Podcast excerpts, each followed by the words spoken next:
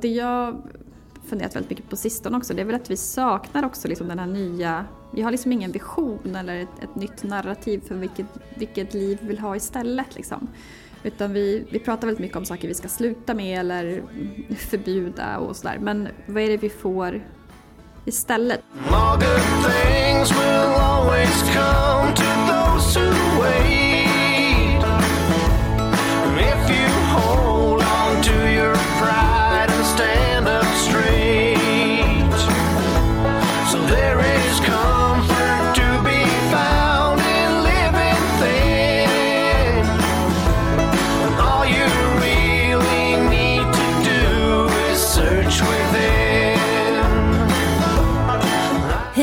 välkomna igen till ett nytt avsnitt av Bortom ekorrhjulet.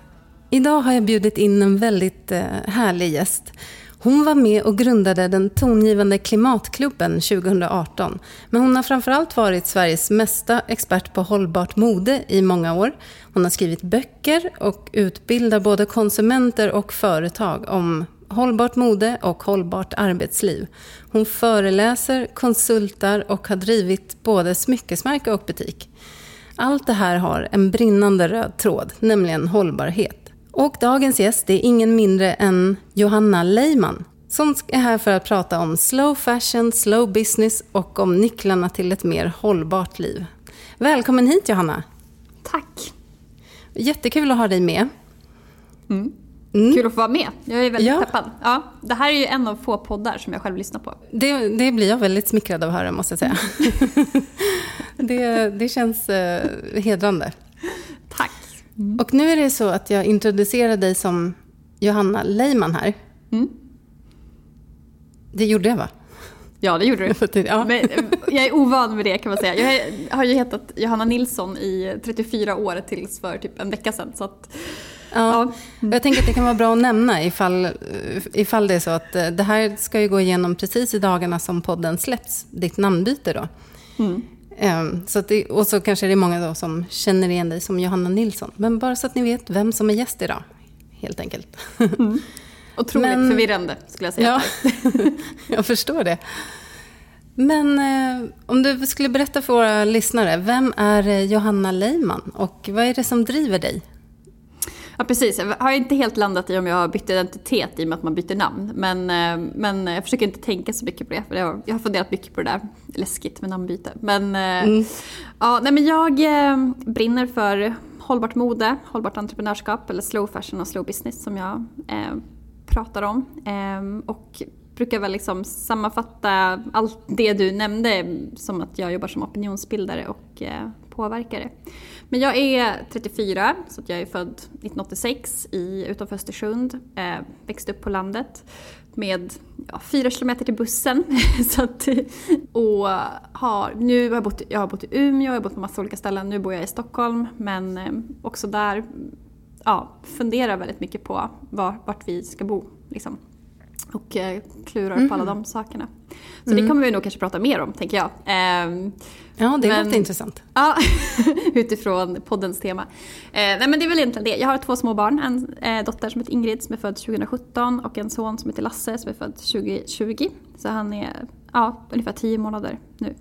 Mm. Um, och jag säger ju fortfarande att jag har en sambo, vilket jag då egentligen inte har eftersom vi då är gifta. Men jag är inte helt bekväm med det heller. Så det är väl, eh, ja, det är väl det. Jag jobbar med min största hobby så att jag förutom att eh, hänga med mina kids och eh, jobbar så tänker jag lite utifrån de här slow living-tankarna att det är där jag presterar eh, och lägger min energi och allt annat övrigt är liksom bonus. Så att mm. jag, ja, i övrigt så gör jag inte så mycket. Men det är lugnt. Mm.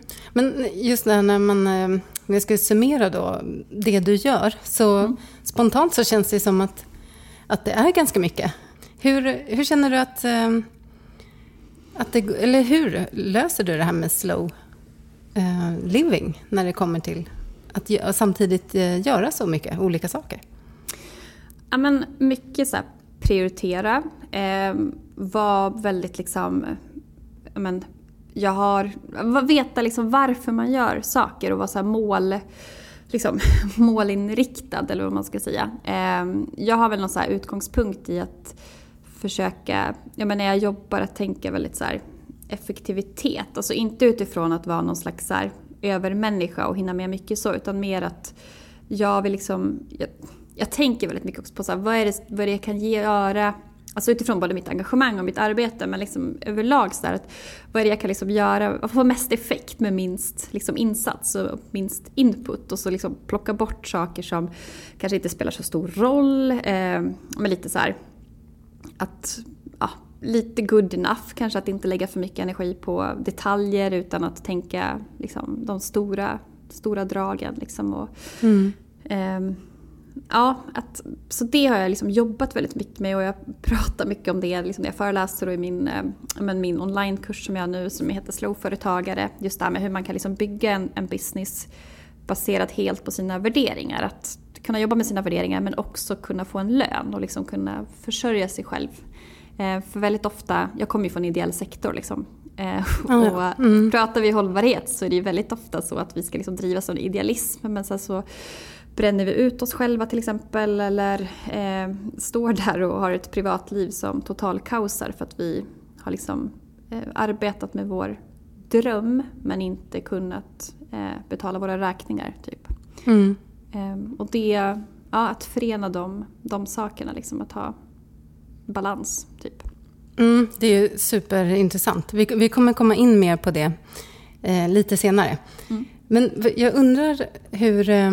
Har du, haft, har du alltid jobbat så här? Liksom? Hur, hur har resan sett ut mot det som du gör idag? Ja, men jag skulle nog säga att det är lite så cirkeln i sluten egentligen. Alltså jag har väl alltid varit intresserad av rättvisefrågor och samhällsfrågor och eh, haft ett, ja, men ett så kläd och modeintresse sedan jag var liten och liksom gillade syslöjd i skolan och sådana grejer. Men, eh, mm. Och sen från gymnasiet så började jag vara engagerad i liksom ideella, jag gjorde mitt projektarbete i gymnasiet om, eh, jag gick samekonomi och jag gick mitt projektarbete om globalisering och textilindustrin. Eh, så. Och sen har jag varit liksom engagerad i Röda Korsets ungdomsförbund med fokus på liksom just textilindustrin. Eh, mycket social hållbarhet, rättvis handel och så. Eh, och gjort det på liksom hobbybasis, man ska säga. Sen började jag plugga till lärare i Umeå för, ja vad det, 2000, eh, nio, för ganska länge sedan. Och så läste jag två år svenska till gymnasielärare, eller för gymnasiet. Ehm, men startade liksom mitt smyckesmärke parallellt med fokus på liksom hållbar produktion och, och så. Eh, tog studieuppehåll efter två år, har liksom fortfarande inte kommit tillbaka. Det här med cirkeln i sluten är väl lite kul för att det jag jobbar med nu är ju pedagogik. Alltså kommunikation, pedagogik, mm. hur man liksom faktiskt säljer in en idé om, om någonting annat. Ja, mina jag jobbar ju mycket som föreläsare och mina kompisar som är lärare tycker att jag har liksom det glassiga lärarjobbet. För jag behöver liksom inte hålla på och betygsätta eller skriva omdömen eller typ ta all föräldrakontakt och sånt där. Utan jag kan liksom bara gå in och göra det roliga klassrumsgrejen med folk som är motiverade och sen går jag hem.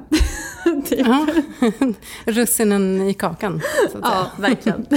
ja, så, du, så du har hela tiden haft um det här som en röd tråd, ska man säga.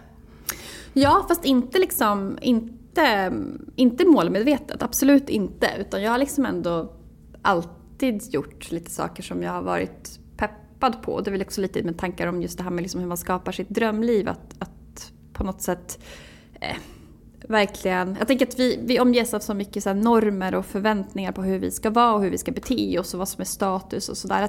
Men att liksom hela tiden försöka backa tillbaka till men vad är det jag faktiskt vill och vad är jag peppad på? Liksom. Sen har det varit absolut inte någon så superrak väg men jag har liksom ändå alltid haft med mig det här och eh, det, utan det är snarare så här, i efterhand, typ nu jag inser så här, men gud, jag är ju liksom nu tycker jag verkligen att jag är på rätt, rätt plats liksom, jobbmässigt och liksom, överlag. Men eh, det har jag ju kommit på nu. Så här, shit, det är ju Oj, mitt projektarbete handlade ju om det här i gymnasiet. Fan vad sjukt, typ. Mm. det, det, är mer liksom det konstaterandet än någon rak, tydlig plan. Liksom. Det bygger på att, att det var ett, ett starkt intresse hos dig helt enkelt? Ja, jag tror det. mm. Jag såg något inlägg du hade skrivit om eh, om just det här med barns eh, rättvisepatos och eh, vad vi, liksom hur vi lär barn att kanske bara acceptera världen som den är. Men det låter som att du har närt ditt inre barn hela vägen.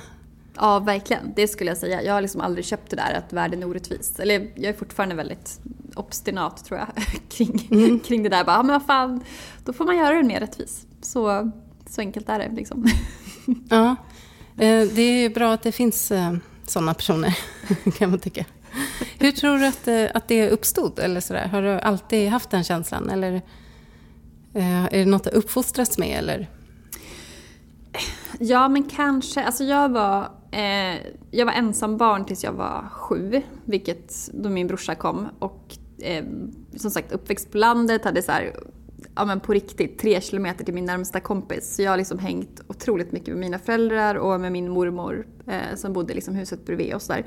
Så att jag tror att om man är i det sammanhanget så har man ju också andra typer av kanske diskussioner och, och samtal men också att man liksom, man man har ju ett annat, liksom, man får ju en annan uppmärksamhet. Mm. Um, så jag tror att det kanske är lite indirekt att jag har um, jag skulle inte säga att jag har liksom bra självkänsla eller självförtroende utan det har jag nog liksom fått eh, jobbat mycket med och ständigt gör. Men mer det här liksom att, att det jag säger ändå är relevant och, och riktigt. Och också kanske det här att om man umgås mycket med vuxna så blir det också väldigt mycket efter regler. För att, jag menar, det är ingen som, jag vet att det är fel att slåss och det är inte som att någon slår mig.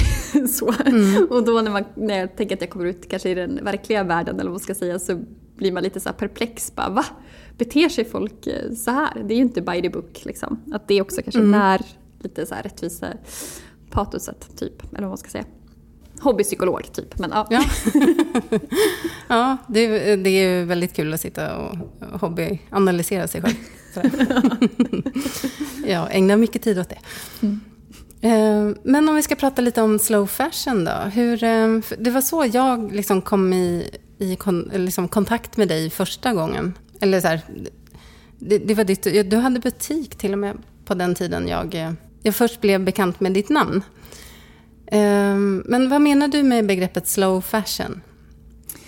Slow fashion är, alltså begreppet är liksom en, en motreaktion på det som är dagens modesystem egentligen. Alltså fast fashion, det här snabba slit och släng liksom. Eh, så det är egentligen, ja men som sagt, en, en motreaktion, hela slow-rörelsen liksom. Men egentligen kan det väl översättas till liksom hållbart mode. Att man ska, liksom, lite eftertänksamhet, prioritering, att vi liksom börjar värdesätta våra plagg på ett annat sätt. Att vi liksom förlänger livslängden på det som finns genom att liksom laga och second hand och hyra, eh, köpa kvalitet. Eh, ja, men när vi köper nytt, köpa liksom produkter som, ja, som är gjorda på ett bra sätt. Om mm. material och liksom arbetsvillkor och sådär. Så, ja. Finns det inte ett, eh, en inbyggd motsägelse i just där hållbart mode? Eller är det mer trender du menar? När, alltså, kan, kan mode vara hållbart? Eller skulle vi bara prata liksom, funktionella plagg på kroppen egentligen? Ja men den är intressant. För det är precis, vissa menar ju det att, att mode i sig, hela liksom, begreppet mode handlar om en framåtrörelse och liksom en samhällsspegling och en utveckling. Liksom. Eh, och att då göra det långsamt, eller att det skulle då liksom vara en motsättning. Eh, och men jag tänker att det, det, här, det kan man ju absolut liksom nörda in sig i. Eh, men jag tänker att vi kan liksom... Eller för mig handlar väldigt mode om, om kreativitet och att jag kan känna att så som vi tänker på mode och kläder idag så är det väldigt relaterat till konsumtion. Mm. Och att det är nästan, alltså att mode och textil sätt blir så kidnappat av liksom hela den här konsumtions samhället som vi, som vi har. Eh, men att kreativiteten är ju någonting annat. Alltså att kreativitet kan vi uppnå när vi liksom, ja, men genom styling eller hur vi, liksom, ja, men hur vi kombinerar eller hur vi så lagar eller gör remake och redesign. Hur vi hittar second hand och liksom allt det. Och att trend kan vara dåligt men det kan också vara så att trend är en typ av tolkning och ett nyhetsvärde och det kan vi också uppnå utan ny konsumtion och ny produktion. Mm det handlar egentligen bara om hur vi väljer att, att göra det här. Ja, precis. För nu finns det en trend faktiskt bland, bland barn och ungdomar att faktiskt eh, handla second hand och ja, återbruka precis. mer. Ja, och sen kan vi också tolka, man kan också tolka, så om vi tänker att en färg är en trend, ja men, eller ett snitt, ja men allting, alltså modet går ju också i cykler så allt det har ju varit förut. Så att det finns ju liksom eh, produkter som vi kan liksom lyfta upp och lyfta in igen. Mm.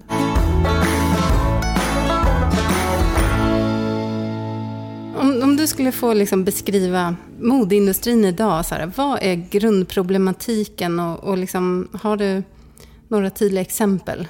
Jag kan säga att det är som egentligen tre stora problem. Det första är ju det som de flesta av oss tänker, det är ju material. Alltså mm. dåliga material och ja, men, saker som inte håller kvalitetsmässigt. Så dåliga material utifrån hur de har producerats miljömässigt till exempel. Eh, och sen att det går sönder och så vidare. Sen har vi produktionen, alltså då framförallt kanske social hållbarhet. Alltså att de som syr våra kläder idag kan inte leva på sina löner. Vi har arbetsmiljö som är farlig, arbetsvillkor och den typen av saker. Så väldigt mycket av de aspekterna. Eh, och det är väl kanske de två man oftast har hört och, och pratar om. Eh, men sen har vi också överkonsumtionen och överproduktionen. Och den går ju egentligen till hur modeindustrins affärsstrategier eller modeller ser ut. Alltså att det här vet vi ja men, producerar mycket nytt och ofta och vi liksom förväntas eh, och fostras i att vi ska byta ut grejer och sådär. Eh, och det kan man också ha med sig när man tittar på just så modeföretag och så och lite, men kanske lite hur företag pratar om hållbarhet och hur man kan se igenom det och sådär. Och det är just det att de allra flesta, och det är för att det är den lätta nöten att knäcka, det är att man har bytt till ekologisk bomull till exempel eller vad det nu kan vara. Eh, men man har inte lyckats lösa liksom levnadslönsgrejen, alltså att folk som syr våra kläder kan leva på sina löner. Det är i princip ingen som kan betala det idag, liksom, har löst det. Mm. Men, också, men sen den största pucken, det är just det där, hur tjänar de sina pengar? Alltså, det är lite så krasst liksom att man kan vara jättebra på alla de här materialen men, men sen så spottar man ut liksom tusentals liksom plagg i veckan. Typ. Alltså det är verkligen så här, de här klädbergen, överkonsumtionen mm. blir ju, alltså det blir ju avfall. Alltså det är liksom den, den grejen vi, vi har att, att jobba med egentligen. Ja, det är svindlande när man ser, eh, dels har vi sett bilder på liksom kläder som bara eldas upp. Eh, men också det här att eh, hur hur second hand-butiken har svårt att ta hand om allt som vi vill lämna ifrån oss för att köpa nytt. Eller vad man ska säga. Ja men precis, marknaden är så himla mättad egentligen. Och det, det här kan ju vara som konsument kan det vara så otroligt förvirrande. Liksom. Men det jag tänker att man egentligen, man behöver inte komma ihåg, man behöver egentligen inte kunna så jäkla mycket. För att eh, det man egentligen bara kan ta med sig det är det här att om problemen ser ut så här, då lösningen på det då är ju att eh, faktiskt göra liksom tvärtom. Alltså att vi måste minimera mängden nyproduktion och nykonsumtion. Så måste vi förlänga livslängden på det som, det som finns. Ehm, mm. Och det kan vi göra på massa olika sätt. Eller för det första så måste vi så här, det måste bara produceras mindre grejer och där har ju företagen ett superstort ansvar. Eh, och den den är ganska obehaglig för många att prata om eftersom utifrån så här, hur tjänar de sina pengar? Mm. Eh, och så måste man liksom sätta bättre grejer på marknaden från första början. Men sen förlänga livslängden och det är så här, antingen då så, så tänker jag som konsument hela livslängden själv. Alltså att jag köper ja, bra producerat eh, men nytt. Eh, jag lagar, det är bra kvalitet, jag liksom klädvård och så vidare. Eh, eller så kan jag också tänka att jag delar livslängd med många andra. Eh, alltså typ hyra, byta, låna, remake mm. och så vidare. Så där tänker jag att som en tanke att ha med sig kan ju vara att beroende lite på hur du vill använda ett plagg. Alltså har du ett plagg, typ favoritjeansen, ja men då kanske du kan köpa nya och så kör du livslängden själv. Men är det den där liksom eh, grejen, typ det roliga printet eller en grej du ska ha på en fest eller någonting. Köp aldrig det nytt. utan tänk då hyra till exempel. Mm. Eh, så att, så här, fundera liksom på vad du har för behov. Eh, och också lite det här, också lite så här filosofisk konsumtionstankar. Men vilket behov fyller du med din klädkonsumtion? Alltså att många av oss kanske konsumerar för att fylla något annat hål. Och då kanske man ska jobba med det istället faktiskt. Än att bara ja, köpa precis. med grejer. Mm den här snabba konsumtionen ofta är eh, någon typ av substitut för någonting annat.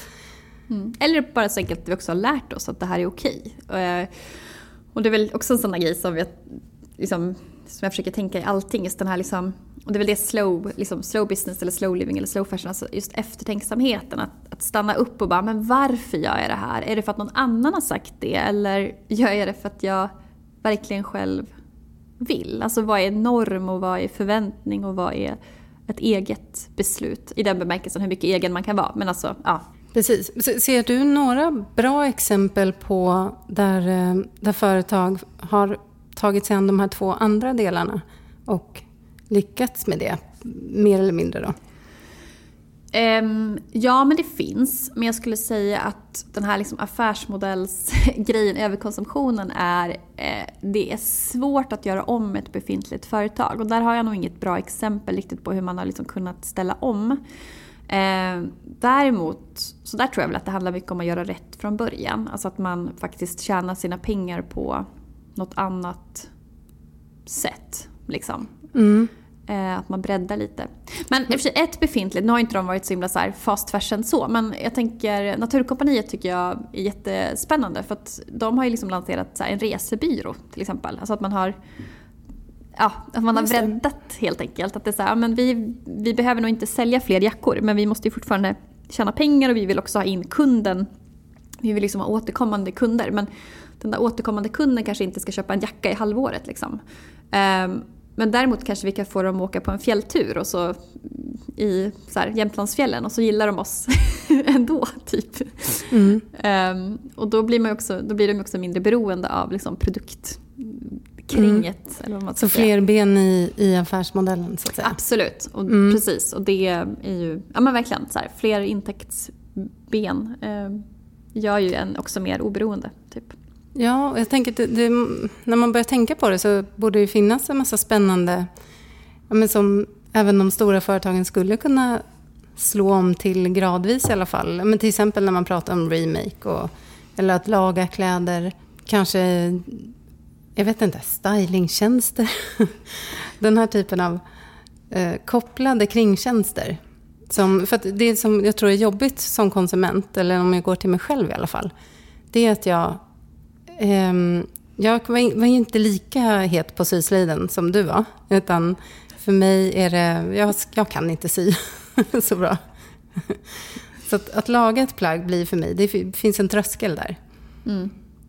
Uh, men sen har jag sett att det har kommit eh, företag, mindre företag då, som jobbar med att hjälpa folk att laga grejer till exempel.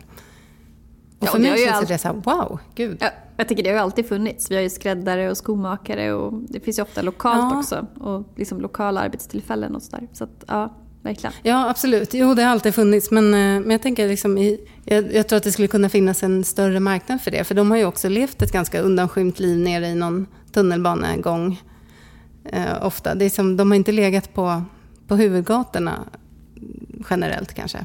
Nej men precis. Och där tror jag också, där tror jag grundproblematiken som vi är inne på, det är liksom det här, de här volymerna och så här, det utgår ju också från att, att nya resurser är så billiga. Alltså, alltså, grundproblemet är ju att vi idag inte betalar sakers rätta pris, alltså verkliga pris liksom, utifrån miljöbelastning och klimatpåverkan och människor som utnyttjas i systemet och sådär. Och det är så här, det måste vi kunna prata om och att saker då faktiskt ska kosta, ja men typ den här tröjan som faktiskt förorenar en hel flod i sin färgningsprocess. Den kanske inte ska kosta 79 kronor, den kanske ska kosta 30 000 liksom. För det är det det mm. kostar att rena. Så att det är väl där. Och i min, jag drömmer väl om att vi ska faktiskt eh, på något sätt kunna liksom beskatta eller så, så att saker ska kosta sitt, ja men sitt verkliga pris. Det kommer bli en, en mer rättvis konkurrens. Liksom. Men hur, vad ser du Ser du liksom förändringar på det här området? Du som jobbar med det dagligen. Ja men det tycker jag. Det händer väldigt mycket. Alltså så här, jag har hållit på med det här i 15 år, och det, eller över 15. Och det är ju helt annat. Å andra sidan kan man ju tänka så här, nu pratar alla om hållbarhet och det gör ju också att det blir väldigt mycket greenwashing och det är väldigt svårt att liksom, vi kanske har någon slags självbild av att vi är väldigt hållbara globalt sett för att vi är så bra på källsortering och sen så flyger vi över hela jordklotet och eh, liksom när alla siffror kommer så släpper vi ut liksom extremt mycket globalt sett och, men vi har fortfarande den här självbilden av att vi är så jävla bra eh, mm. som nation till exempel. Men, men det går ju åt rätt håll och jag tänker att det ändå händer, man pratar om det så här. Men däremot, jag tror att vi måste också, eh, vi måste steppa upp och jag, det jag funderat väldigt mycket på sistone också, det är väl att vi saknar också liksom den här nya... Vi har liksom ingen vision eller ett, ett nytt narrativ för vilket, vilket liv vi vill ha istället. Liksom.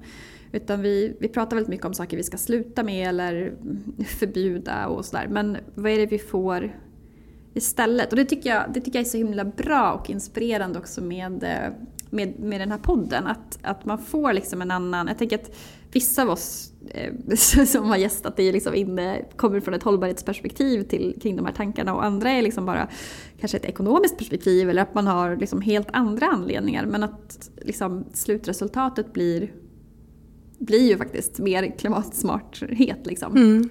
Eh, och, och, och att, faktiskt något som många vittnar om, ett, ett rikare liv. Ja men precis, att det är liksom, att, så här, what's in it for me. Alltså jag tror vi måste snacka så jäkla mycket mer om, om det. Eh, och, ja, att, och att de liksom, det är inte uppoffringar, det kanske ser ut så på pappret men, men eh, vad får vi istället liksom? Mm.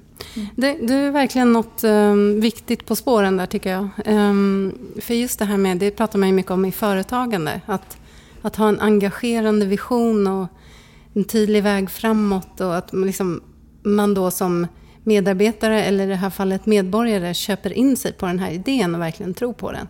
Mm. Och det kan man verkligen sakna hos politiker idag. Det kan vi väl passa på att efterlysa ifall nu någon skulle råka lyssna på podden. För där tror jag det finns ett stort hål i just det att måla upp den här framtida världen. Och hur, hur ska vi leva hållbart? För vi vet ju att vi kommer tvingas till det eh, inom en inte alltför eh, avlägsen framtid. Men, eh, men att då sälja in den här eh, framtidsbilden av vilket eh, ändå mycket rikare liv vi kan få på andra sidan. Att det inte bara är uppoffringar utan det är väldigt mycket som tillkommer. Precis, där tycker jag, vill verkligen lite slänga ett boktips här som jag tycker var så himla inspirerande. Jag läste nyligen Naomi Kleins I lågor, eh, ett brandtal för the, uh, the New Green Deal. Och hon pratar mm. just om, om exakt det här, liksom att vi framförallt från liksom klimat och miljörörelsen så har man kanske liksom en, eller egentligen alla typer av liksom eh, medborgarrörelser. Har man, alltså man är antirasister eller liksom, man är mot fossilt. Eller alltså det är verkligen mm det är alltid emot någonting. Men att vi måste verkligen prata om vad vi kan göra istället. Och där tycker jag, eh, som det förslaget, eh, New Green Deal, eh, som bland annat då har liksom lanserats i USA men också börjar liksom pratas om mer och mer. Att det är verkligen någonting att kunna samlas kring och liksom eh, föra fram. Så jag har också så här, skickat med den, läs den boken och så, så mm. tänker jag att vi kan liksom forma en rörelse där vi liksom jobbar mot någonting eh, tillsammans. Eh, så. Mm, jag är med. Bra. jag ska läsa boken först. Men ja, det låter inspirerande. Men det, för det kan jag tycka saknas eh, i många olika aspekter. Ehm, inte bara när det gäller just klimat och miljörörelsen. Mm.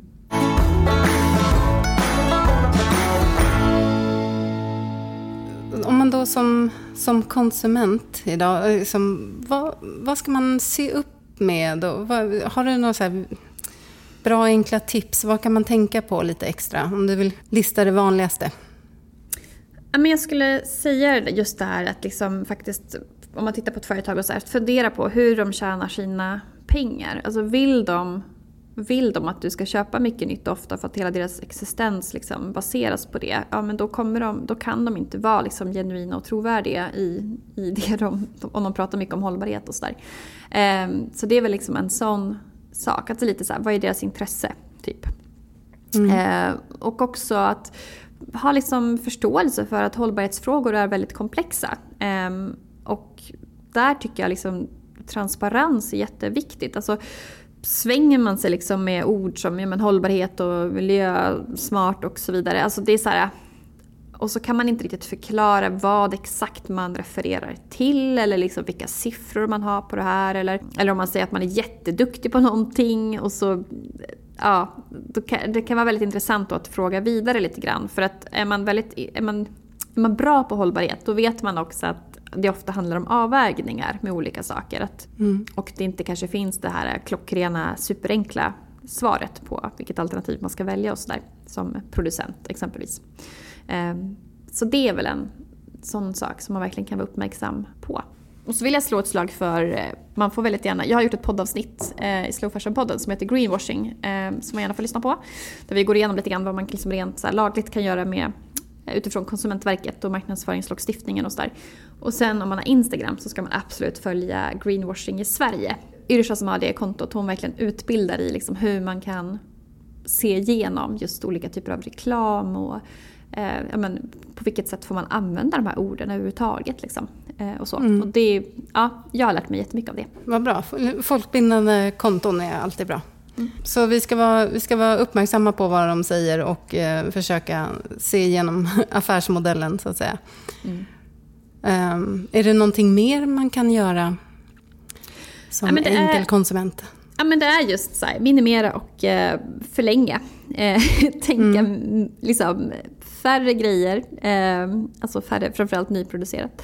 Och så förlänga livslängden på det som, det som finns. Om man bara håller sig till det så har man kommit eh, väldigt, väldigt långt. Då behöver man inte, om man inte är väldigt intresserad, men då behöver man liksom inte hålla på och snurra in sig i så här, vilken typ av viskos är bäst eller jaha, så här, och hur ska jag tänka med den här produkten eller liksom, utan att det är bara så här, ja, köp färre grejer och eh, se till att använda det du har. Vad bra. Eh, och sen finns det ju ganska mycket att läsa på, på din sajt också. Om man vill läsa vidare och utbilda sig lite mer på området. Ja men precis, jag skriver mycket artiklar, framförallt det här med material och sådär som är så här, det som väldigt många funderar på. Så kan man gärna dyka in i det där. Mm. Och då blir det alltså johannaleiman.se? Ja, um, exakt. Mm. Med eh, Y då, Leiman med Y. Precis, man kan skriva mm. johannanilsson.se också, då kommer man också rätt. Ja, vi kommer länka i, i um, avsnittsbeskrivningen också. Men eh, du har ju också utvidgat det här med slow fashion till eh, slow business. Mm. Berätta lite mer om det. Du har precis släppt en onlinekurs eh, på det temat och och, du beskriver att du själv lever enligt filosofin slow living. Men vad innebär det och hur har det vuxit fram för dig? Slow living är ju ett begrepp som många känner till och sådär. Och jag har väl, som med allting, att det, man kanske har en bild av vad det skulle vara, så här, flytta ut på landet och liksom så. Men jag tror ju mer på att det handlar just om eftertänksamheten och det här att liksom göra saker utifrån sig själv och liksom se sina egna drömmar och välja, liksom, prioritera. Eh, mer än och sen mm. kan man liksom, slänger det är min egen dröm så kan jag göra liksom lite vad, vad som helst egentligen. Eh, typ så. Men slow business det är, eh, alltså det är egentligen ett begrepp som, eh, som inte finns utan snarare att eller, jag har skapat eller vad man ska säga utifrån liksom mina tankar kring liksom entreprenörskap och, och hållbart entreprenörskap och så. Eh, och det är väl egentligen, alltså, ska man säga, det är väl egentligen att kapsla in det jag liksom tror på. att man, ja men, Nu pratar jag just företagande och sådär. Eller egentligen överhuvudtaget hur man tjänar sina pengar. Men värderingar står i fokus. Vi har liksom hållbarhet och klimat, miljö är liksom självklart integrerat i liksom affärsmodellen. Eh, och att också så här, frågasätta vedertagna begrepp som egentligen alltså så här, typ tillväxt, alltså för vems skull och på vems bekostnad. Mm. Eh, men också att driva företag måste liksom handla om att sätta sina egna spelregler. Att det finns ju väldigt lätt, så tänkte jag, jag gick som sagt samekonomi på gymnasiet och inriktning entreprenörskap och jag tyckte att det var helt fruktansvärt. Men det var för att jag också, det var så liksom alla de här tankarna man har kring, kring det. Att det så här, Oj, jag måste rösta på det här partiet, jag måste ha den här frisyren, jag måste ha den här klädstilen. Typ. Och jag kände inte igen mig i det där överhuvudtaget. Och sen nu så driver jag ju företag sen ganska många år. Och har väl liksom lärt mig på vägen att så här, men shit, man får ju faktiskt göra vad man vill. Det är ju det som är så mm. coolt. Eh, så länge man håller sig till så här, lagstiftning. Ja. Men, men eh, och att så här, det här med att liksom bygga ett starkt företag handlar inte alls om att man behöver göra avkall på liksom människor eller miljö eller någonting sånt. Utan att allting hänger ihop. Men att, och sen är det ett, alltså ett, som ett sätt att forma samhället. Eh, men sen ur ett individperspektiv såklart så handlar det om att här, våga tänka utanför de här ramarna och att kunna vara värderingsdriven och liksom men också så här, ja, men jämställdhet, våga ta betalt, liksom, självförtroende och också såklart att inte, ja, men så här, att inte bli utbränd och eh, ja, mm. alltså den typen av, av saker. Men och sen är väl att jag så här, grunden i allt är väl att jag drivs av övertygelsen om att alla har ett, alla har ett ansvar och alla har ett maktutrymme att liksom lösa klimatfrågan och hållbarhetsfrågan och sådär. Oavsett om vi liksom är privatpersoner eh, som i grupp blir ett civilsamhälle kan man säga. Eh, till företag, till politik och sådär. Och att vi måste hela tiden, de här tre måste hela tiden liksom så trycka på och ifrågasätta varandra och utmana varandra för att vi ska kunna liksom få den här eh, förändringen. Och där ser jag liksom, och då tänker jag så här, självklart då att kunna forma ett arbete i form av kanske ett eget företag om man vill det, eh, som kan vara med i det här och också vara som sagt värderingsdriven och att man då tjänar sina pengar på, på rätt saker faktiskt. Eh, mm. Så det är väl lite mina, mina tankar. Så, ja. Ja, men jag tycker det är, eh, det är väldigt intressant för att särskilt som du säger det här med, med företagen och entreprenörskap. Det har, vi har länge levt med sanningar som att du, liksom, du måste jobba hårt för att det ska löna sig. Och framgång, eh, det är inte möjligt utan hårt jobb. Och det finns ju massa sådana här ganska så hemska citat på, eh, liksom på nätet med, liksom, ja, men som bygger på att du ska jobba skiten ur dig. Liksom men jag tänker dock, ja precis, sen tänker jag vi har också retorik kopplat till det här som liksom är, handlar om så här, dominera och krossa och liksom, mm. alltså den typen av, och sen att vi har, många av oss har en, en bild av, eller också hur man framställer i media kring entreprenörskap och så att det är en vit man som skapar liksom Spotify eller alltså Amazon mm, eller alltså Medan så här, Unicorns. Exakt, exakt. Ja. Ehm, och man ska tjäna skitmycket pengar på det och så här. Men det som är, och då tänker vi att det är normen, men det som är så jävla roligt är att när man kollar så här, Tillväxtverkets statistik så är ju normen jag. Det vill säga att de allra flesta företag i Sverige drivs av en person. Mm. Ehm, de allra flesta har liksom under tio anställda. Alltså det, är så här, det är ju den här typen av företag som är normen om vi pratar, tänker majoritet.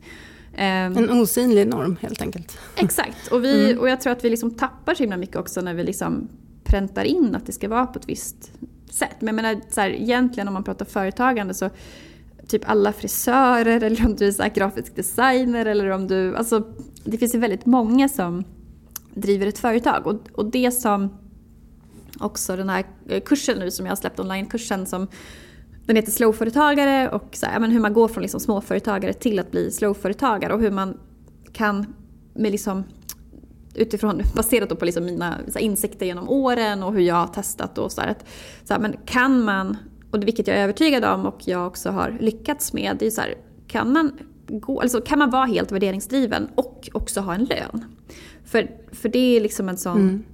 eh, för mig är det liksom den bästa sortens aktivism. Att jag skulle kunna liksom ha ett annat jobb och så skulle jag kunna göra så ideella grejer och liksom vara, eh, göra det jag tror på utifrån liksom hållbarhet och så här, på kvällen. Men då, på fritiden. Men då blir det liksom bara någon timme i veckan kontra nu kan jag göra det här helt och hållet. Och då tänker jag att jag kan liksom göra, skapa mer förändring. Eh, men sen måste vi också försörja oss. Så då just det här, hur, hur får man de här två sakerna att, eh, att lira ihop. Liksom. Ja, du pratade om det, att du kom från ideell sektor där man, eh, om man brinner för någonting, men är värderingsdriven så, så ska man liksom man ska, man ska jobba hårt och, och, inte kräva så mycket för att på något sätt så blir det mindre värt då om man också vill ha betalt för det. Men hur, hur har du tacklat den utmaningen eller kanske mm, fördomen kring att jobba värderingsdrivet? Och, och i ditt fall då när det handlar om liksom, samhällsfrågor och ett mm. engagemang? Alltså jag har jobbat jättemycket med de här sakerna. Det är också väldigt mycket ett mindset. Eh, och också våga ta liksom fighten eh, lite grann. Eh, jag har ju, jag har ju liksom valt de sämsta av alla världar kan man säga. Som sagt hållbarhet och sen så pratar vi så här influencerbranschen som är liksom en ny bransch. Eh, och så är jag kvinna och liksom rör mig i en kvinnodominerad bransch. Då är det ännu mer liksom att så här, eh, fan du ska vara tacksam för att du får synas typ. Mm.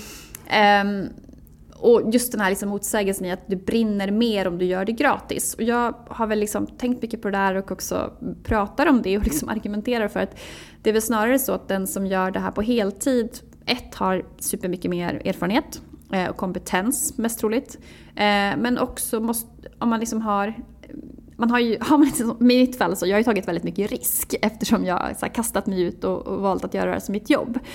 Och då är ju frågan, är det inte så då att jag brinner mer än den som väljer att göra en timme i veckan på kvällen? Mm, jo men det är en konstig, det är en tankevurpa där tror jag. Att... Mm. Så det är väl liksom en, en sån sak. Men sen tror jag också att man liksom inte riktigt reflekterar över, alltså jag märker ibland i diskussioner att man eh, så klassiskt att man kan vara såhär, ja alla andra ställde upp gratis. Den har jag mötts av, så här, Ikeas hållbarhetschef gjorde det här gratis. Och jag bara, ja fast hen har ju lön från Ikea. Alla mm. mina, jag är frilans liksom, jag måste få pengar annars så gör jag ju det här ideellt. Liksom. Det är väl liksom den typen av... Men där tror jag också att man har ett ansvar, där kan jag själv känna att man har ett ansvar också. För att vi har ju å ena sidan så pratar vi om att man vill jobba med något man brinner för. Och, att så, här, och liksom så har vi retoriken i form av, och jag har kommit på mig själv med det här också, men aktivt valt att nu jävlar ska jag sluta med det. Det är att vi säger så här, så länge jag får jobba med det jag brinner för så är det lugnt. Och så å andra sidan så säger vi så här, det är klart jag ska få betalt. Man bara, du skickar ju mm. helt olika budskap genom att prata om det på det här sättet. Så jag liksom, det här låter ju ganska drygt, men jag är så här, jag pratar aldrig om hur mycket jag älskar mitt jobb. Alltså jag gör ju det och jag tror att det framgår att jag liksom är passionerad. Men, mm. men att det är, så här, det är mitt jobb. Det är liksom den ramen som vi pratar om. Eh, och ett, är ett jobb så får man en lön. Det är liksom själva förutsättningen. Och då är det ja. faktiskt helt ovidkommande hur roligt jag tycker att det är. Ja, faktiskt. För det, det är också, ur kundperspektiv så är det egentligen också eh, en större garanti på det jobbet du gör. Att, att det faktiskt, eh, eh, man kan kräva en leverans och man kan förvänta sig en professionalism eftersom det är ditt jobb. Mm, precis. Så egentligen borde det inte finnas någon problematik kring det där. Men eh, det, det är alltid så med fördomar och normer att eh, man, man får kämpa ett tag innan det har satt sig. Ja men precis, men jag tror att det, alltså jag, därför tänker jag att vi också, att man måste så själv vara lite uppmärksam på vad man, på hur man själv pratar.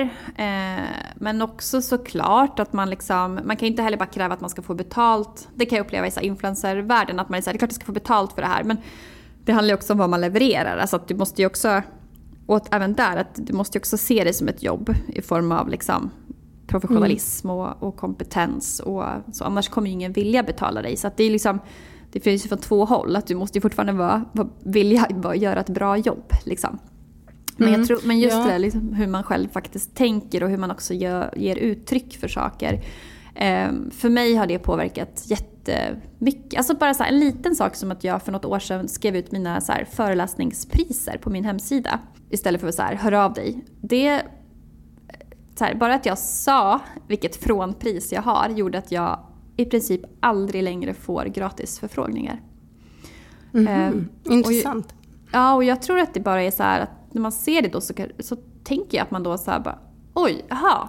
Eh, det är betalt, alltså hör jag inte av mig. Eller så här, mm. ah, hon, hon är i, i den ligan inom citationstecken eller vad man ska säga. så här, mm. och då, eh, det, det sållas bort där. Ja, precis. Mm. Så jag tror att det är lite grann hur man faktiskt också själv eh, pratar om det. Men också såklart, vi måste, liksom, vi måste ju prata om den här debatten. Så, alltså vi måste ju snacka om de här grejerna såklart. Ja, men utifrån det här slow business-perspektivet, då, hur, ehm, vilka liksom principer har du då för att, för att eh, skilja mellan jobb och fritid och hålla balansen och eh, allt det där? Ja, men jag tänker, som sagt, jag tänker att jag bara ska liksom prestera på två fronter. Och det är liksom min familj och mitt jobb. Och sen att jag liksom plockar bort i princip allt annat. Allt annat är liksom bonus typ i mitt liv. Ehm, men också väga liksom det här med att jobba effektivt. Att liksom eh, väga det som jag gör mot annat. Alltså att det där liksom extra ideella uppdraget, om jag inte själv verkligen vill göra det för att ja, jag vill göra ett ideellt uppdrag. Utan att jag snarare gör det för att jag inte vågar säga ifrån till exempel. Ehm, mm. Det, när jag liksom började tänka vad det tog tid ifrån, då blev det så... Det var ganska bra wake-up. Alltså i stil med, men du vet, man får ett mejl och bara hej, förutsättningslöst möte, eh, en timme. Och jag bara, ja, på pappret så kanske man tänker så här, det är smart. Och så, så när jag liksom börjar tänka så här, mm, den här timmen med den här personen som jag inte känner och aldrig kanske kommer att träffa igen. Eller så är jag en timme med mina barn. Vem, vad säger jag är viktigast då?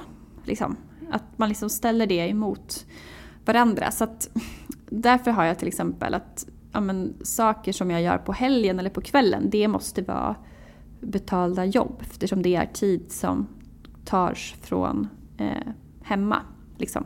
Mm. Och också med, också så med respekt för min andra hälft. Att liksom, jag kan inte åka, alltså, i så fall blir det ett nöje i sådana fall. Alltså, då går det på nöjeskvoten. Typ. Mm. Eh, om jag gör någonting och inte eh, får betalt. För då är det inte ett jobb. Liksom. Så. Mm, ja, men det är en intressant särskiljning där. Mm. Och hur, du har också skrivit eh, i ett inlägg jag såg att, eh, att du blir bättre liksom, i ditt jobb eller på ditt jobb genom att strunta i det och distansera dig. Berätta mer om det, hur du tänker där. Ja, men att tänka liksom på att allting inte är blodigt allvar. Alltså att man lite, men både det här att man kan, man får lite så helikopterperspektiv och man kan liksom eh, på något sätt kristallisera ut vad som spelar roll på riktigt. Så vad som tar mig närmare mina mål till exempel.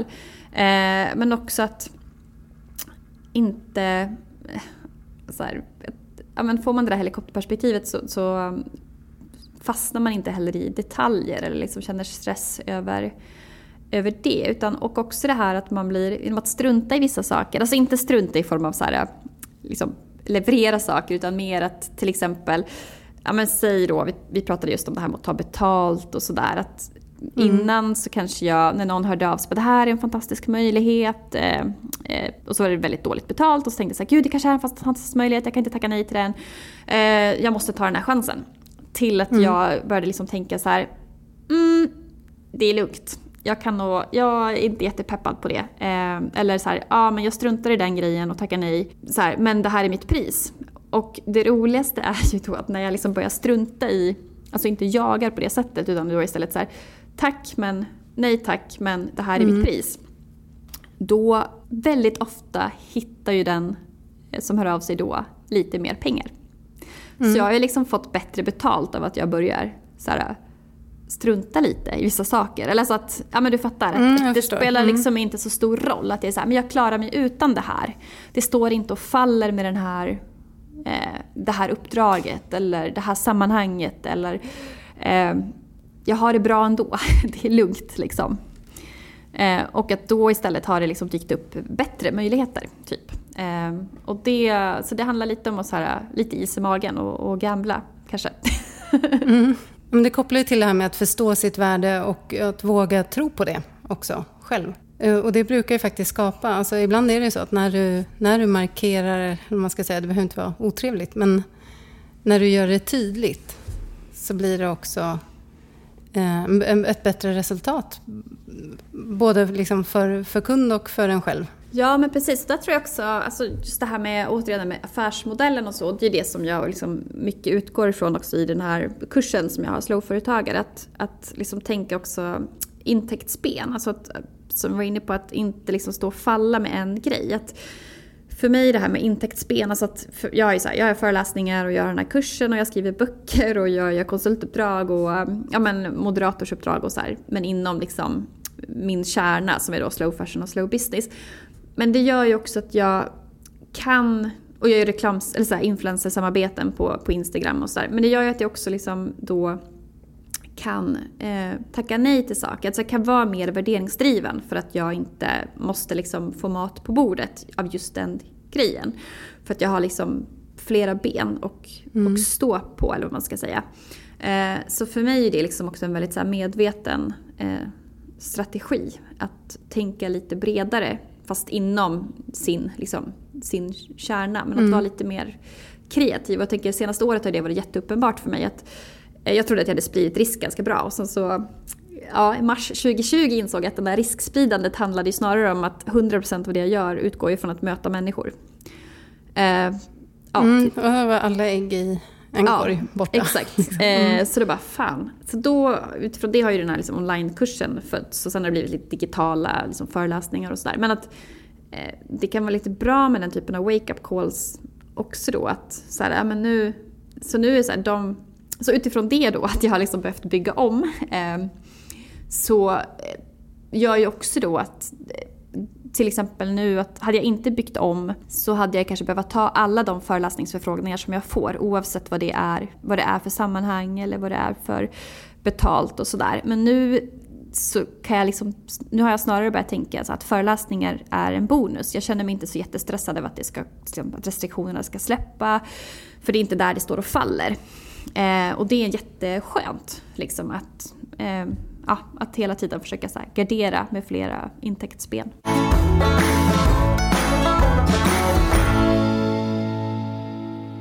Det finns ju också den här lutherska normen i Sverige som jag själv kan känna av väldigt mycket. Och när jag, jag tänker så här, möter du någon typ av fördomar eller frågor kring det här med slow filosofi? För det är det här att vi ska arbeta hårt, vi ska vara produktiva. Och jag kan själv känna att jag har lite dåligt samvete när jag är ledig eh, eftersom jag är egenföretagare. Hur eh, hanterar du det? Och liksom, ja, har du mött fördomar kring det just när du pratar om slow business? Framförallt för mig själv. Alltså jag vet att jag, de första åren så kunde jag liksom inte unna mig att vara ledig. Jag kände mig ganska så här dålig typ. Mm. Eh, men jag tror att det, jag har också liksom lärt mig min egen process. Att jag, jag är effektiv när jag jobbar, jag får saker att hända. Eh, jag har väldigt lite liksom tid av så här prokrastinering eller, eller så. Eh, men det gör också att om jag liksom, ja men nästan sådär att det som hjälpte för mig var väl att jag liksom loggade min arbetstid och gör det fortfarande. Att jag har liksom ett schema när jag jobbar och sen kan jag med gott samvete vara ledig eh, någon annan dag. Men det är för att jag kanske har jobbat in den dagen eller vad man ska säga. Men mm. ja, jag håller med om att jag har också lite så svårt. Jag försöker liksom verkligen tänka att mitt drömscenario är att jag ska jobba 80% typ eller så här. Men, men då har jag ju ändå liksom normen 100% typ. Ja, ehm. och så är det där att man ibland då är ledig eh, mm. när andra jobbar. Och att det kan kännas jobbigt i sig. För mm. Det känns ja. lättare att vara ledig liksom nyårsdagen än en tisdag vecka 11. Ja, å andra sidan så jag är nog ganska så att jag precis också tänkt att jag ska vara att det kan vara också lättare det här med att koppla ner och koppla ifrån. Att, att när ingen förväntar sig att man ska svara och sådär. Och anpassa sig lite också utifrån sina uppdrag och sådär. Mm. Ja, jag kan ju vara ledig på sommaren till exempel. För att då är det ingen som bokar föreläsningar och den typen av grejer. Eh, men jag skulle aldrig kunna vara ledig i oktober. För det är då liksom, ja, mestadels sådana saker händer. Och sådär. Mm. Ja, det blir eh, såklart en anpassning. Då. Ja, men, men det tänker jag också, det är lite roligt. Jag fick en sån insikt här om veckan just kring det här. Eh, utifrån att jag lyssnade på, på ditt avsnitt med, eh, med Jan från Rika Tillsammans. Mm. Eh, och jag har också nyligen läst eh, Oskar och Maribel Lindbergs bok Lev lokalt. Och eh, väldigt så här, satte fingret på vart, vart jag är mentalt liksom i att bo och sådana saker. Men då har jag liksom hela tiden tänkt att det var något fel på mig för att jag inte vill jobba mindre. Ja. och, och liksom såhär, gud vad, så shit jag borde, alltså vet också en jag borde nog vilja typ sluta jobba för det är det alla pratar om. Eh, men då var det så himla befriande när jag lyssnade på Jan Bolmesson att jag var så här, bara, nej men vänta nu. Eller är det så att jag jobbar, alltså att jag har det jobbet som andra på något sätt strävar efter. För det var det som var så kul när jag läste Oscar och Maribels bok om att så här, eh, lev lokalt och lite så här, de är ekonomiskt oberoende och, och, vad de gör på sina dagar. Jag bara, men gud de jobbar ju ändå. Ja, precis, eh, ja. Och de typ gör ju det jag gör.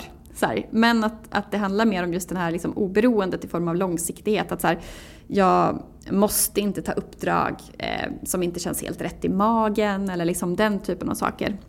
Och att man så bygger upp en typ av buffert för att klara olika eh, konjunkturer och liksom den typen av saker.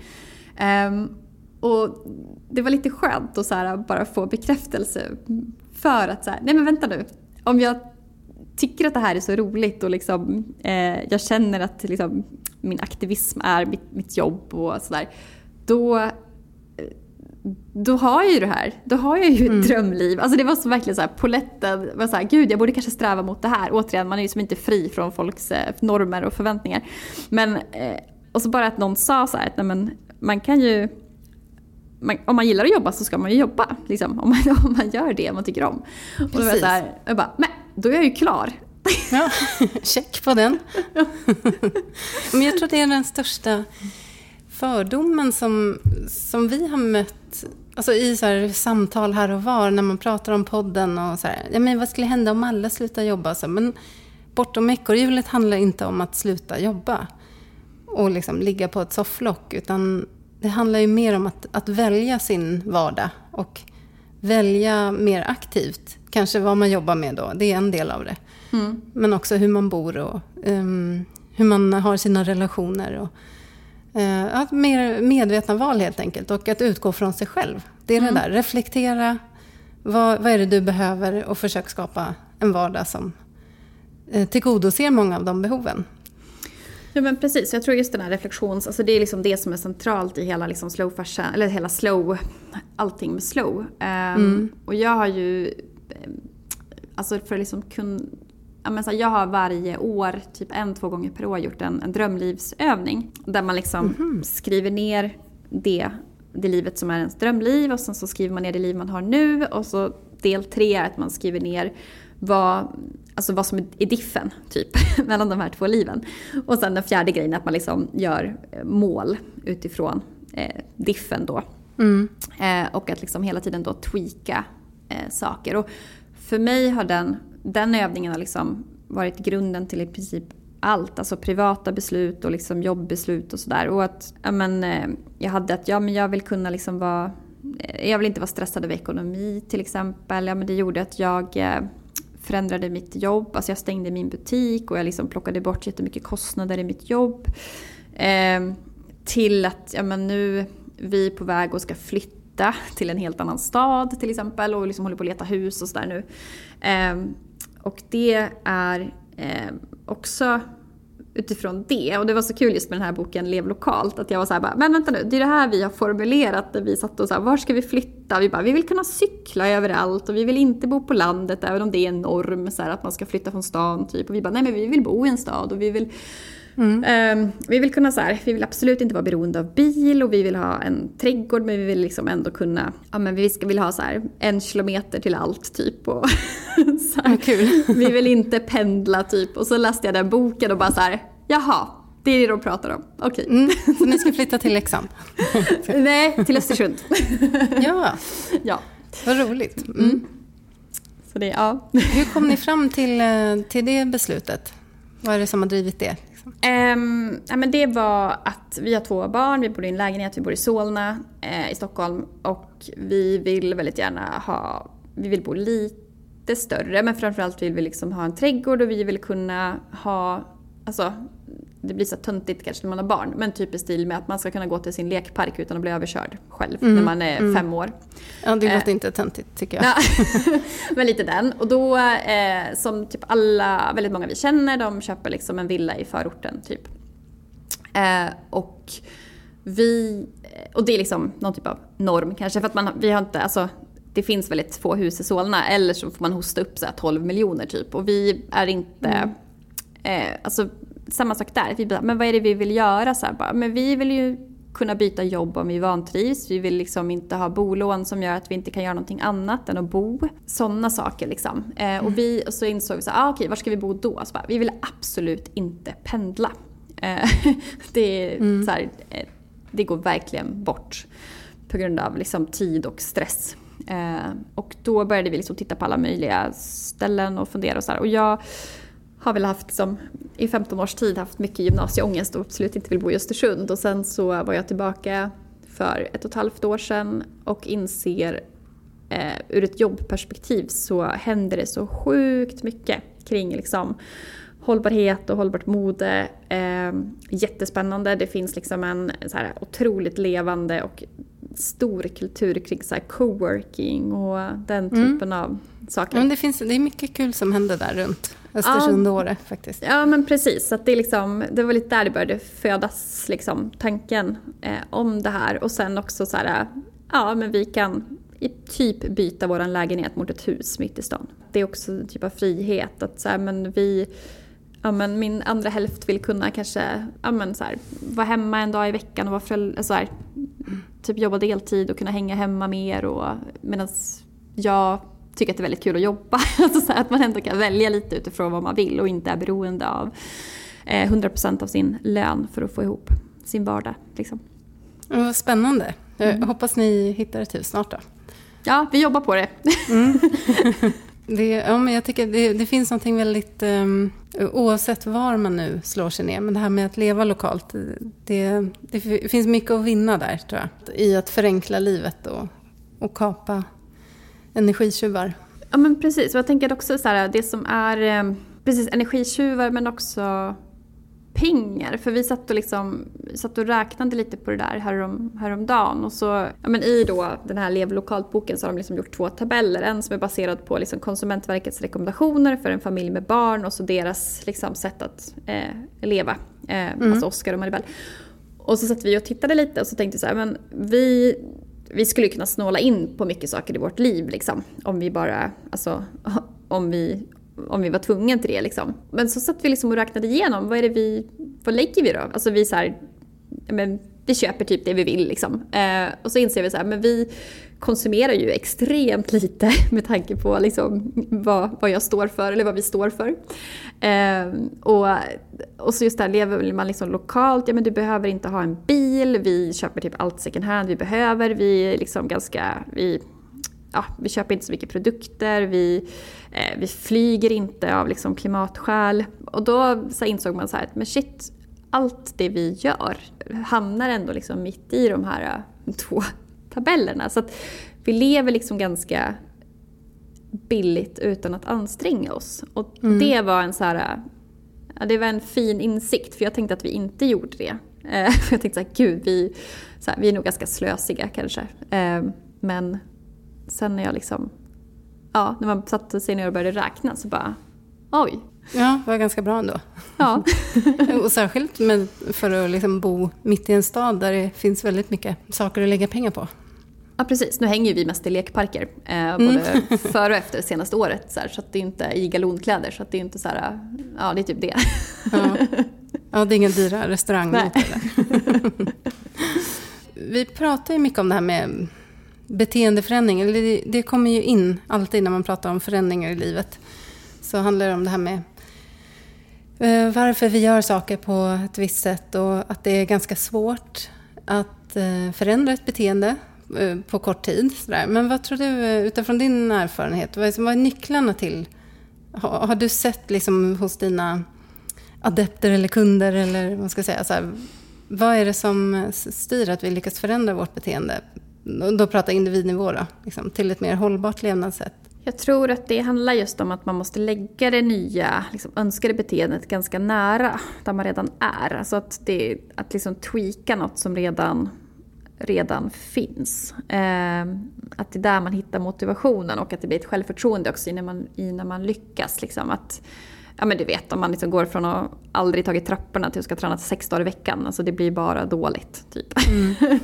men, eh, och där finns det jättemycket forskning och så att så här, tar man små steg så, så liksom händer det någonting eh, spännande. Så det är väl en sån, sån sak. Och sen tror jag också att så här, faktiskt ja, men det som min drömlivsövning har liksom verkligen gett mig och ständigt ger och varför jag liksom verkligen vill prata om den. Det är ju det där att, att överhuvudtaget också Alltså det är väldigt sällan vi faktiskt, det låter ju så fånigt, men vi, det är ju sällan vi faktiskt pratar om drömmar och kanske gör dem medvetna. Eh, för oss själva och inför andra. Och ehm, också sådär, vad är det det egentligen skulle... Också, alltså den här klassiska grejen att vi liksom också tänker att drömmar är så ouppnåeliga men att det handlar mer om att vi inte riktigt vågar tänka på dem som, som uppnåeliga. Alltså till exempel, vi vill ha ett hus. Och då bara tänker man så här, gud det är, det är ju en jättestor dröm. Och så bara, fast om vi byter stad så är det billigare än vår lägenhet. Ja, då blir den helt plötsligt görbar. Ja, och då är det något annat liksom att faktiskt också fundera på vad man, vad man vill. Det, det kan vi väl verkligen rekommendera gemensamt till lyssnarna, att, att göra någonting sånt. Ja, precis. Det spelar kanske ingen roll exakt hur man gör det, men utan mer bara så fundera på vad är det jag liksom vad är det jag drömmer om och vad jag har. Men också så lite grann att vad har jag idag som jag är nöjd med? Jag tror att det är också lite det att vi får inte heller glömma bort att vara mer nöjda. Alltså det är lite det som jag har också just det här man beskriver nuläget i den mm. övningen som jag gör. Och så, så här, vad är diffen? Att nu är min diff ganska liten. Alltså min diff nu handlar kanske om att jag vill... Ja, men jag är expert på till exempel styra upp skitmycket roliga grejer för jag är så pepp på mycket saker i jobbet. Och så helt plötsligt som nu till exempel det här året jobbar jag 50%. Jag jobbar varannan dag och varannan dag är jag hemma. Och då bara oj, kanske inte jätterimligt att typ ha fyra saker parallellt. Typ stora grejer. Eh, bara för att jag får feeling på det liksom. Och då handlar ju den stressen om en otroligt liten grej. Det handlar ju bara om att jag måste bli så jävla mycket bättre på att bevaka min pepp typ. Mm. det är ett angenämt problem. ja, men alltså så här, det behöver liksom inte vara så stora förändringar heller liksom, egentligen. Utan det kan vara sådana små eh, saker som... Eller så här, ja, men jag, eh, jag hade någon så här, ja, men jag tycker att jag spenderar för mycket tid på att scrolla på telefonen. Typ. Jag vill läsa mer böcker. Man bara, ja men det kan jag väl styra upp. Det är ju inte stort. Det handlar ju bara om att hitta en rutin. Formulera det. Ja, och mm. hitta en rutin för det. Liksom.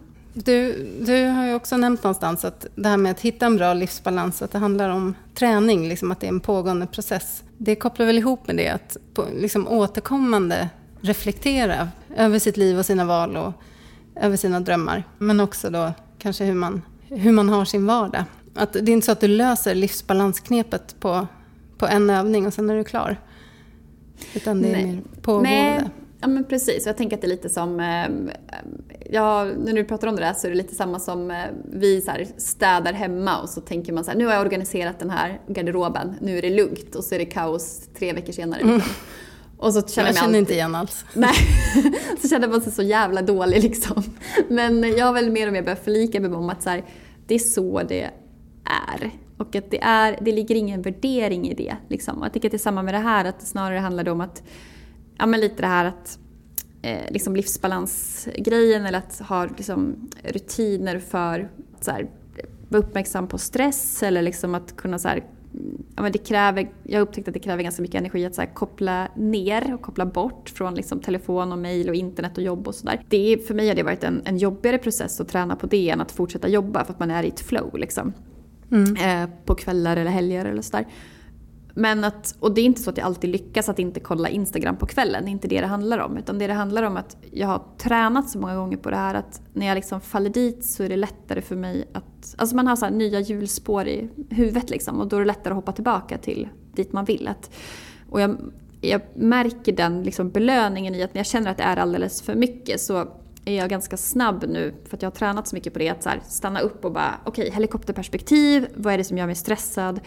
Vad ska jag plocka bort? Ska jag liksom flytta någonting? Eh, vad är det här liksom? Och så märker jag det hos mig själv mycket fortare. Eh, och jag har en strategi för hur jag löser det. Sen blir jag fortfarande stressad. Det är absolut inte det det handlar om. Utan mer att, så här, att jag löser det snabbare. Mm, det rullar inte bara på. Nej. Känner du att det är någonting mer vi ska ta upp som Nej. vi har missat här? Tänker Nej. Gratt, grattis att klippa det här. Yes. mm. det, det flyter på bra tycker jag. Mm. Härligt. Men om, om, du ska skicka med en eh, sak till våra lyssnare idag då, eh, Johanna. Vad, vad, skulle du vilja säga då? Ja, men jag tänker att det är kanske just det där att liksom stanna upp och fundera på varför man tycker eller tänker eller gör någonting. Alltså är det för ens egen skull eller för liksom, omgivningens eh, förväntningar och att i det så finns svaret ofta. Kloka ord som jag hoppas att ni lyssnare tar med er. Och är ni nyfikna på mer av Johannas tankar och eh, mycket av det som hon har skapat. Det finns väldigt mycket intressanta artiklar och eh, vi har den här kursen också. Är den öppen förresten? Den går nu och sen så kommer jag, man kan signa upp sig på en väntelista. Sen, tanken är, den kommer gå i början på hösten och så kanske en gång till i vår, så får vi se. Mm. Mm. Så kan ni då gå till johannaleiman.se med y. Eh, det finns länkar i, i avsnittsbeskrivningen. Och sen kan man också följa dig på Instagram. Mm. Så ät johannaleiman.se. Stort tack för att du ville vara med. Jag tycker det har varit superintressant. Tack snälla för att jag fick vara med. Så roligt att få dyka i det här. Har ni några frågor kring avsnittet så, så kan ni som vanligt, eller tankar som har växt, så diskutera gärna dem i gruppen. Eh, Bortom ekorrhjulet När, var, hur heter den. Och eh, med det så vill jag inte bara tacka Johanna utan också Sven Karlsson och Epidemic Sound för musiken. Så hörs vi igen om två veckor. Ha det bra så länge. Hej då!